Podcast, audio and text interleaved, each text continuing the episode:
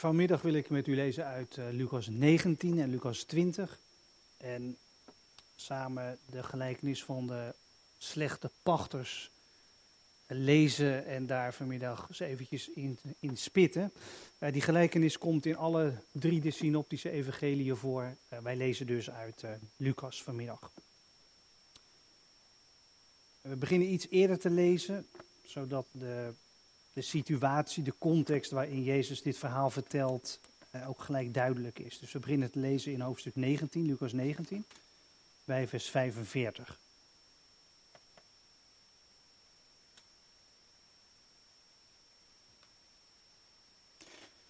In Lucas 19 vindt de intocht in Jeruzalem plaats. Als Jezus uh, naar binnen wordt gehaald als een koning, dan gaat Jezus naar de tempel.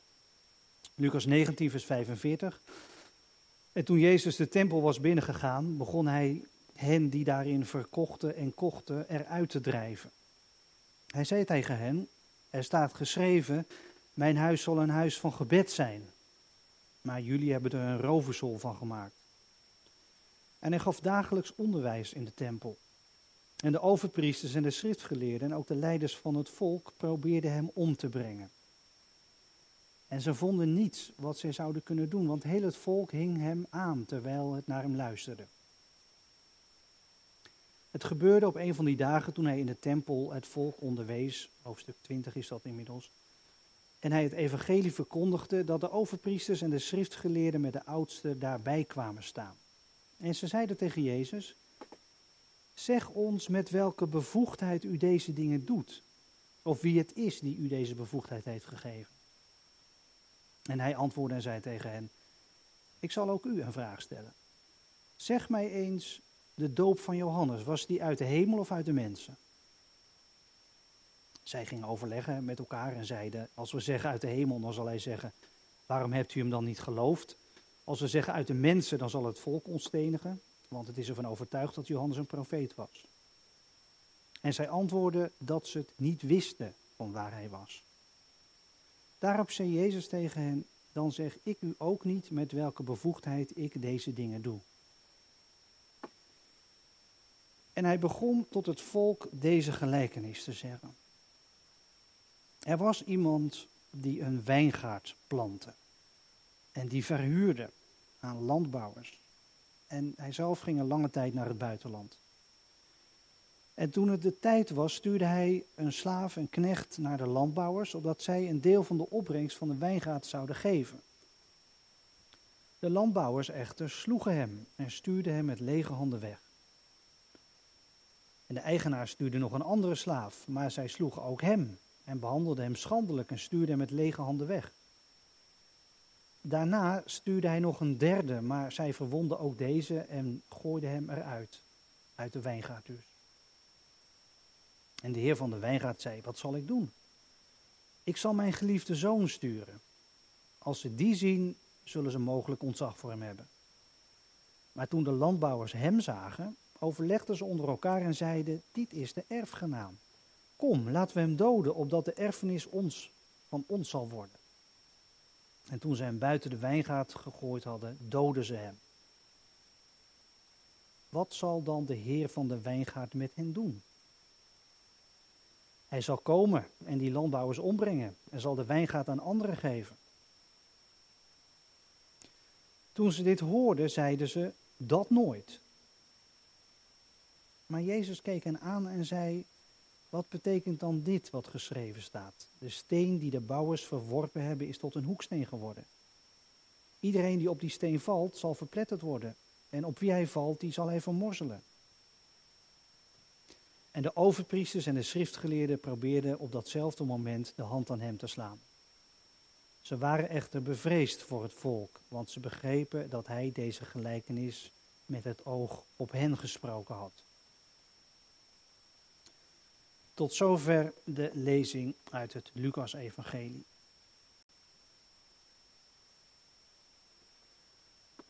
Gemeente van Jezus Christus, vanmiddag uh, duiken we met elkaar de gelijkenis in van de onrechtvaardige pachters, de wijnbouwers. Ik zei net al, het is een gelijkenis die komt in, in alle drie de synoptische evangeliën voor Matthäus, Marcus, Lucas. En bij alle drie die evangeliën is het ook hetzelfde kader, dezelfde context waarin Jezus dit verhaal vertelt. Vlak na de intocht in Jeruzalem, waarin Jezus werd binnengehaald als een koning. En na het optreden in de tempel, waarmee Jezus ontzettend veel kwaad bloed zette bij de religieuze autoriteiten. Hij zet de boel daar stil, uh, gooit van alles om. En zijn kritiek is dat het huis van God geen huis meer is van gebed, maar een plek waar mensen bij elkaar komen die zichzelf ten koste van gewone mensen verrijken. Een rovershol. En ja, duidelijk is in die tempel, dat is forse kritiek op de leidende elite die de tempel bestuurde.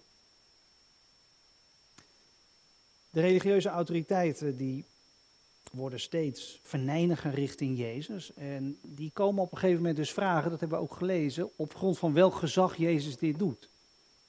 En Jezus geeft daar dus geen direct antwoord op, maar gaat een verhaal vertellen.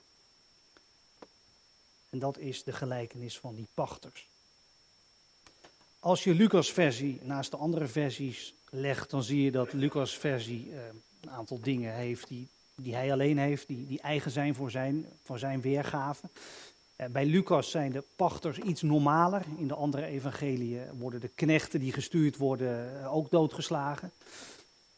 En, en wat heel erg opvalt in de versie van Lucas is dat de, de, de gewone mensen, het volk aan wie Jezus zijn verhaal staat te vertellen, dat die reageren. Vond best apart. Die, die mensen die luisteren dus allemaal naar het verhaal en die zeggen dan dus dat nooit.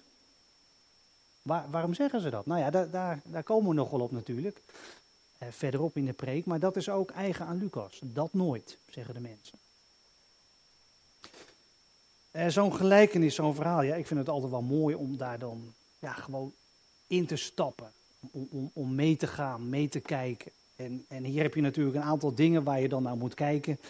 Uh, de wijnbouwer, wie dat is, de wijngaard, wat daarmee wordt bedoeld. De pachters, eh, wat is er mis mee? Wie zijn het? Eh, de zoon van de wijnbouwer. Nou, gedurende de preek komt dat allemaal langs. Laten we beginnen. Jezus vertelt, er was iemand die een wijngaard aanlegde. Een wijnbouwer. Ja, gelijk duidelijk voor de hoorders van Jezus' verhaal. Daarmee bedoelt Jezus God. God als wijnbouwer, eh, dat komt vaker voor in de Bijbel. God als, als agrariër komt eigenlijk regelmatig voor. Een prachtig beeld van God. Dat benadrukt Gods zorgvuldigheid en zijn geduld. Eh, de Bijbel begint eigenlijk direct al met, met God als agrariër. Het eerste hoofdstuk is natuurlijk Genesis 1 en in het scheppingsverhaal wat daar wordt verteld aan ons, staat dat God spreekt en het is er. God zegt dit moet bestaan en het bestaat en God ziet dat het goed is. En, en nou zou je bij Genesis 1, als dat het enige was wat wij hadden, nog kunnen zeggen dat, dat God ja, wel op een afstand is. Hè, dat kun je je voorstellen. God spreekt, het is er. En van spreken krijg je geen vieze handen, hè, om het even zo te zeggen. Maar dan komt Genesis 2 en, en wordt de schepping nog een keer verteld op een andere manier. En in Genesis 2 wordt dus verteld dat God een tuin gaat aanleggen. Zie je, daar, daar heb je het gelijk al. God als tuinman, als agrariër. God als tuinier, als akkerbouwer. De God met zijn laarzen in onze modder. God die aan het spitten gaat en aan het planten. De God die een ontwerp heeft gemaakt. En dat ging uitvoeren.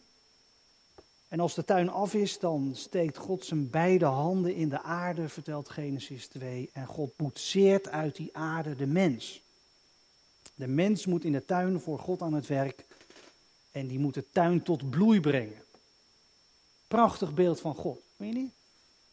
God die, die zo zorgvuldig en, en geduldig betrokken is op deze aarde.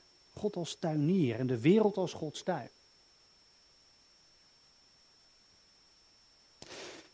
In het verhaal van Jezus is God dus ook agrariër. Daar legt God geen tuin aan, maar een wijngaard. God als wijnboer. En de luisteraars van Jezus' verhaal, die, die herkennen dat direct. Hij komt in het Oude Testament op allerlei plekken voor. Psalm 8, Jezaja 5, Jezaja 27, Jeremia 12. Israël als wijnstok, Israël als wijngaard, God als wijnbouwer. Ja, dat kun je ook voor je zien. God als wijnboer, God die een akker ploegt en glad maakt. God die de grote stenen uit de grond haalt en langs de rand opstapelt als een muurtje, zodat de dieren niet in de wijngaard kunnen komen als er druiven zijn. God die druivenplantjes in de grond stopt en met zijn gieter water geeft. En geduldig alles in de gaten houdt. God die het onkruid wiet. God die wacht op de druiven. Zo'n wijnbouwer, ja, die moet geweldig veel zorg hebben voor zijn wijngaard, dat is duidelijk. En ook heel veel geduld natuurlijk. als je dat plant, dan heb je niet het jaar erop druiven, dacht ik, of wel? Goed, nou, nu begeef ik mij op glad ijs. Um, in elk geval moet je veel geduld hebben, dat, dat is helder. In het Oude Testament is, is die wijngaard heel vaak het beeld van het volk Israël. Het volk van God, het speciale project van God. Dus op allerlei plekken in de Bijbel vind je een soort verhaal wat lijkt op het verhaal van Jezus, God als landbouwer. Met als refrein eigenlijk overal dat het niet lukt. Het lukt niet met het project van God. Gods tuin, Gods akker, Gods wijngaard, het komt niet tot bloei. Is de Heere God dan geen goede landbouwer? Schiet zijn vakmanschap tekort? Nee, volgens al die verhalen ligt het niet aan de Heere God. En niet aan zijn zorg, niet aan zijn toewijding, niet aan zijn geduld. Het zijn Gods mensen die niet willen deugen, keer op keer. En dat is ook duidelijk in het verhaal van Jezus. Gods mensen willen niet deugen, jij niet, ik niet. En in het verhaal wat Jezus ons vandaag vertelt, heeft die wijnboer nog extra geduld. Niet alleen met zijn wijngaard, maar ook met de werknemers, met de pachters, de huurders. Want dat is natuurlijk het aparte. In dit verhaal van Jezus is het niet de wijngaard die niet wil deugen, die brengt wel vrucht voort. Maar zijn het de pachters die niet willen deugen. dus die, die mensen die zaten te luisteren, die dachten, hé, hey, hey, dat gaat niet goed. Jezus vertelt het verhaal verkeerd. Jezus neemt een andere afslag. En dat is ook zo. Het is in Jezus' versie niet de wijngaard, maar de pachters, de landbouwers.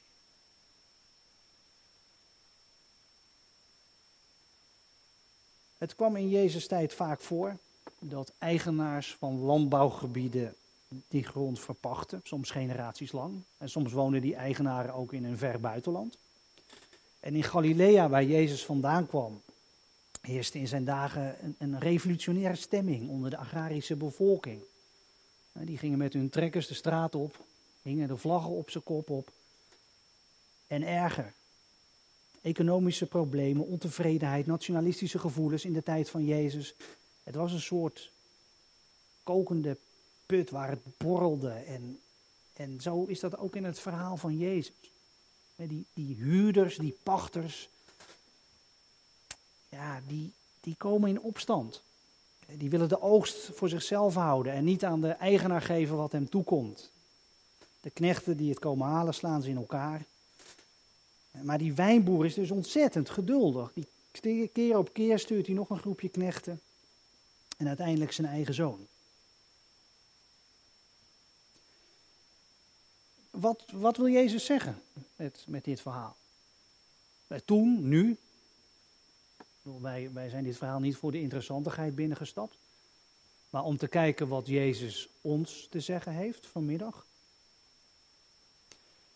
Nou ja, in de eerste plaats zou je dus zo kunnen uitleggen, als de wijngaard het volk Israël is, net als in Jezaja 5 bijvoorbeeld, dan zijn de pachters de religieuze leiders. Dat, dat kan niet anders. En dan is de moraal van het verhaal dus dat de pachters niet goed voor het volk zorgen, het volk van God. Niet, het niet tot bloei willen brengen, tot Gods eer, maar dat die leiders het volk willen gebruiken voor hun eigen gewin. Voor hun eigen plannen, voor hun eigen opvattingen. En hen wordt dus het, het oordeel aangezegd. Jezus zegt dat die leiders eruit gegooid zullen worden en dat het leiderschap naar anderen zal gaan. Wij weten, dat, dat, ging naar de apostelen. Die, die, die werden leiders in, in de christelijke gemeente die ontstond. Zo kun je deze gelijkenis dus uitleggen. Dus Jezus heeft kritiek op het leiderschap van het volk van God. Leiderschap wat het, de mensen voor zichzelf gebruikt voor het eigen gewin. Nou ja, als je dat wil toepassen eh, op, op ons, ja, dan, kun je dus zeggen dat iedereen die leiding geeft op een of andere manier hier in de gemeente, dat die zich dit verhaal goed moet aantrekken. Dus als ik hier naar vak kijk, of ik weet niet welk nummer het hier heeft. Uh, ja, ambtsdragers, wie in elk geval. Voorgangers. Uh, dit verhaal gaat dus over ambtsdragers in elk geval. Mensen die leiding geven. En, en iedereen hier in de gemeente die leiding geeft. Aan jongeren, clubs, alfa-cursussen, weet ik wat niet al. Dit verhaal zegt je dus dat de gemeente niet het project is van de mensen die leiding geven. De gemeente is niet van voorgangers. De gemeente is het project van God. De wijngaard van God. En als je leiding geeft, heb je dus de verantwoordelijkheid om mensen op te laten bloeien. Zodat ze bloeien tot Gods eer. Met God leven, Jezus blijven volgen.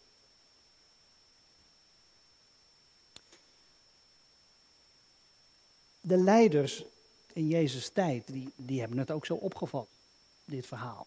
Die betrokken dat op zichzelf, die werden woedend. Die vatten dit op als kritiek op wat zij deden en willen Jezus uit de weg ruimen. Dus als je de gelijkenis zo uitlegt, dit gaat over leiders, over wie leiding geeft, nou ja, dan kun je goed de reactie van de religieuze autoriteiten verklaren, die worden boos. Maar wat in deze uitleg van de gelijkenis niet zo goed te verklaren is, is waarom de mensen die luisteren, die mensenmassa's die aan het luisteren zijn, waarom die zo afwijzend reageren. De mensen die dit verhaal horen, de gewone mensen, die zeggen dus dat nooit. Is dat dan omdat zij zich niet kunnen voorstellen dat de huidige leiding vervangen wordt of zo? Dat ze zich niet kunnen voorstellen dat het anders zal gaan in de tempel? Of dat zou natuurlijk ook nog kunnen, denken zij dat dit verhaal van Jezus niet alleen over de leiding gaat, maar ook over henzelf. Is dat het? En reageren ze daarom zo dat nooit? Dus dat niet alleen de religieuze leiding door Jezus wordt veroordeeld omdat ze niet mee willen werken in de plannen van God, maar dat Jezus de mensen allemaal waarschuwt. Kijk, als die mensen zo afwijzend hebben gereageerd met dat nooit, dan begint Jezus Psalm 118 te citeren over een steen die eerst wordt afgekeurd, dat is hij zelf, en die daarna wordt verhoogd door God. Omdat God zijn plannen voor mensen door Jezus werkelijkheid zal laten worden. Ja, Jezus zegt erbij dat iedereen die die steen niet ziet zitten, die Jezus niet ziet zitten, zal struikelen en ten val zal komen. En buiten Gods toekomst zal vallen. En ook daaruit zou je wel kunnen afleiden dat dit verhaal breder bedoeld is. Niet alleen voor de leiding. Ik denk dat wij het vanmiddag dus ook breder moeten lezen. En dat iedere volgeling van Jezus vanmiddag en misschien zou je zelfs kunnen zeggen, ieder mens zich dit verhaal aantrekt. En even goed luistert wat Jezus zegt. Je kunt het namelijk ook zo lezen dat Jezus met de wijngaard niet alleen het volk Israël wordt bedoeld, Gods speciale project, maar dat Jezus met de wijngaard breder bedoelt Gods plannen voor Israël en voor deze hele wereld. En net als in Genesis 2, God als agrariër die met deze wereld op weg is. En zo heeft Matthäus in zijn evangelie dit verhaal van Jezus in elk geval wel opgevat.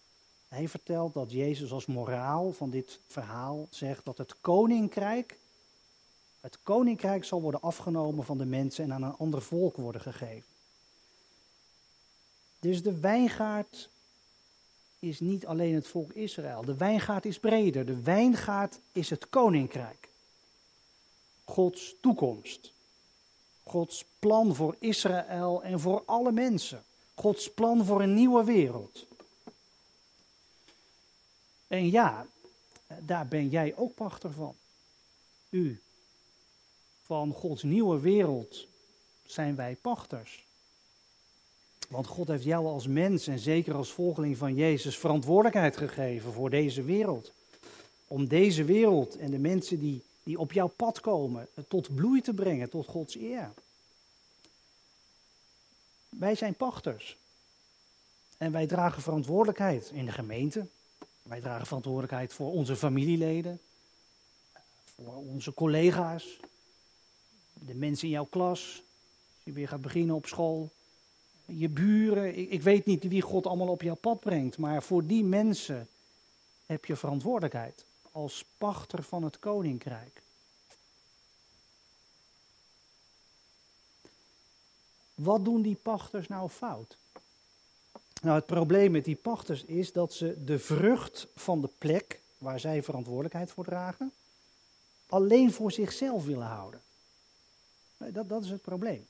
Die plek brengt vrucht voort, ze hebben daar verantwoordelijkheid dus voor, ze hebben eigenlijk hun werk goed gedaan, er is vrucht. Maar, maar vervolgens willen ze het voor zichzelf houden. Wat voor pachter ben jij? Eh, dat is de vraag, denk ik, voor vanmiddag, die dit verhaal aan ons stelt, dit verhaal van Jezus. Wat voor pachter ben jij? Dus, dus hoe ga jij om met de mensen om je heen? Als je met hen omgaat, gaat het dan vooral om jezelf? Wat jij eruit kunt halen? De vrucht voor jouzelf? Gaat het vooral om jouw imago, dat dat er beter van wordt?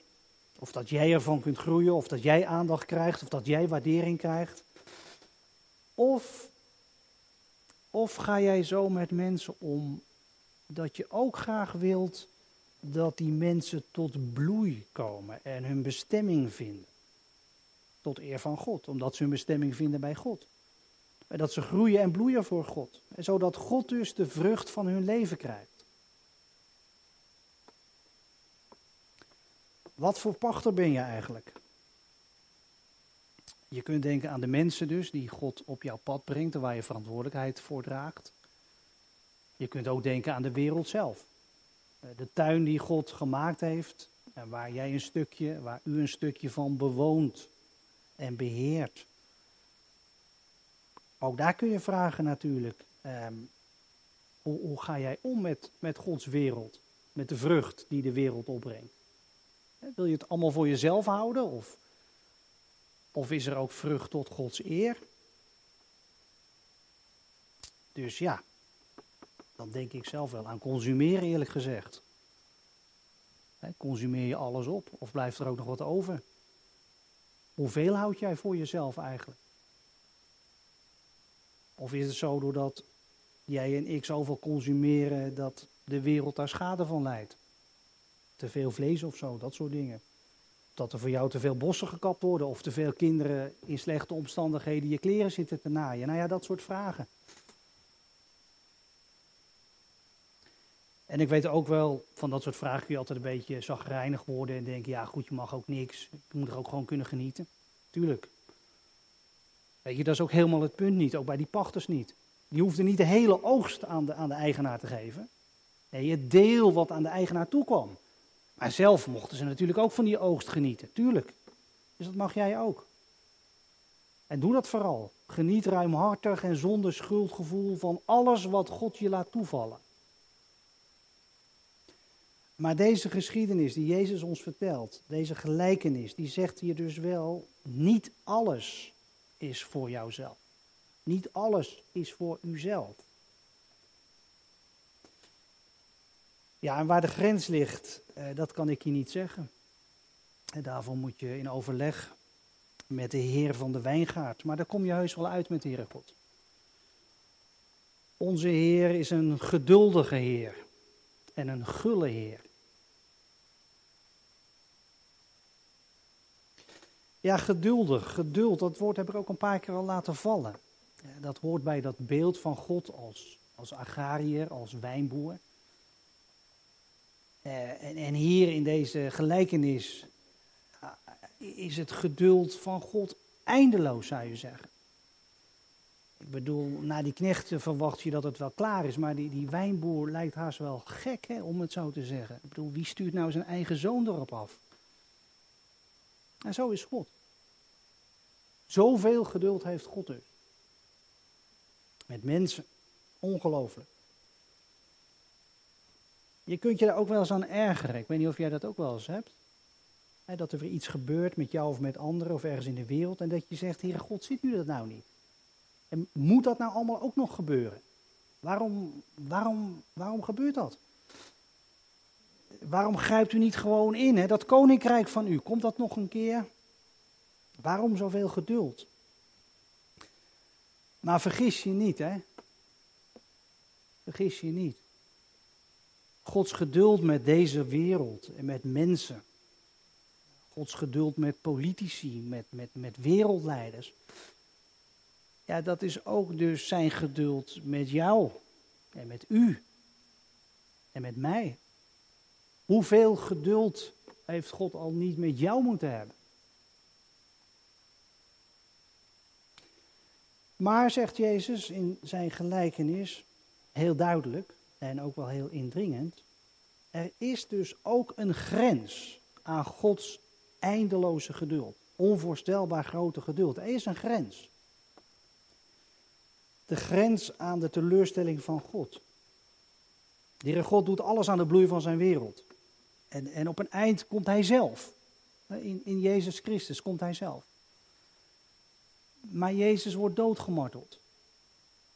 Je zou zeggen einde verhaal, maar het is met de dood van de zoon dus niet einde verhaal. Hij is als een steen, zegt Jezus, die eerst werd afgekeurd en buiten de stad werd gegooid. Maar God heeft die steen rechtop gezet. En God bouwt er de stad van zijn koninkrijk op, op die steen. De grens van Gods geduld ligt bij Jezus. In Jezus komt God zelf. En als je Jezus afwijst, ja, dan is er dus ook niks meer over. Dan, dan is er niks meer. En wie niet voor God is in Gods wereld, en wie niet met Gods plan met deze wereld wil meedoen, ja, die gaat er buiten vallen. Buiten Gods toekomst. Buiten Gods plan. Kijk, de Heer God doet, doet alle moeite om jou en mij voor zich in te winnen. Hij stuurt allerlei mensen op je pad. En uiteindelijk komt Hij zelf naar je toe, in Jezus Christus. In eigen persoon. Maar als je Jezus dus niet ziet zitten, dan sta je buiten het koninkrijk.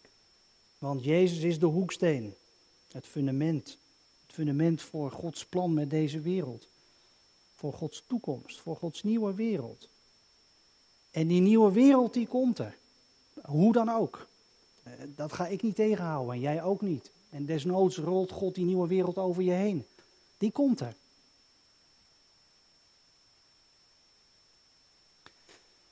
Maar waarom zou je je Jezus van het lijf willen houden?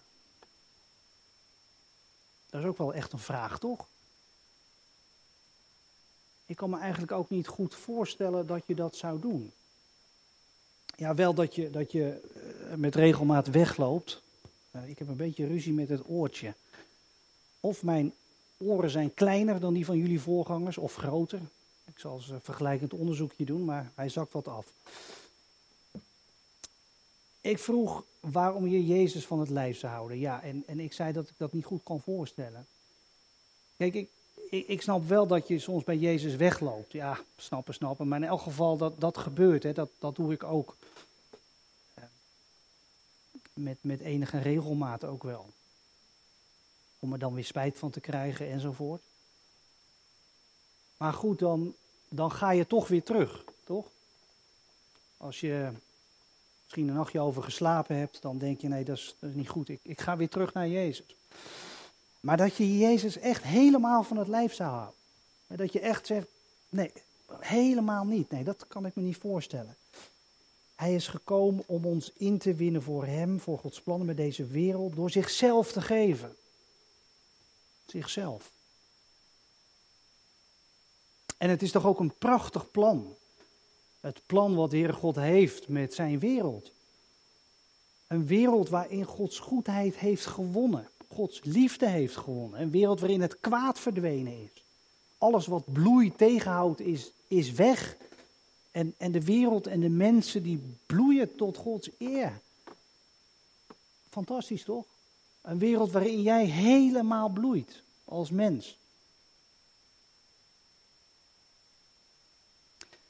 Laten wij meegaan met Jezus. We hebben zijn verhaal gehoord vanmiddag. En dat gaat niet alleen over de kerkraad of over voorgangers of andere leiding. Dat verhaal van Jezus gaat over ons allemaal. En Jezus vertelt het niet voor niks.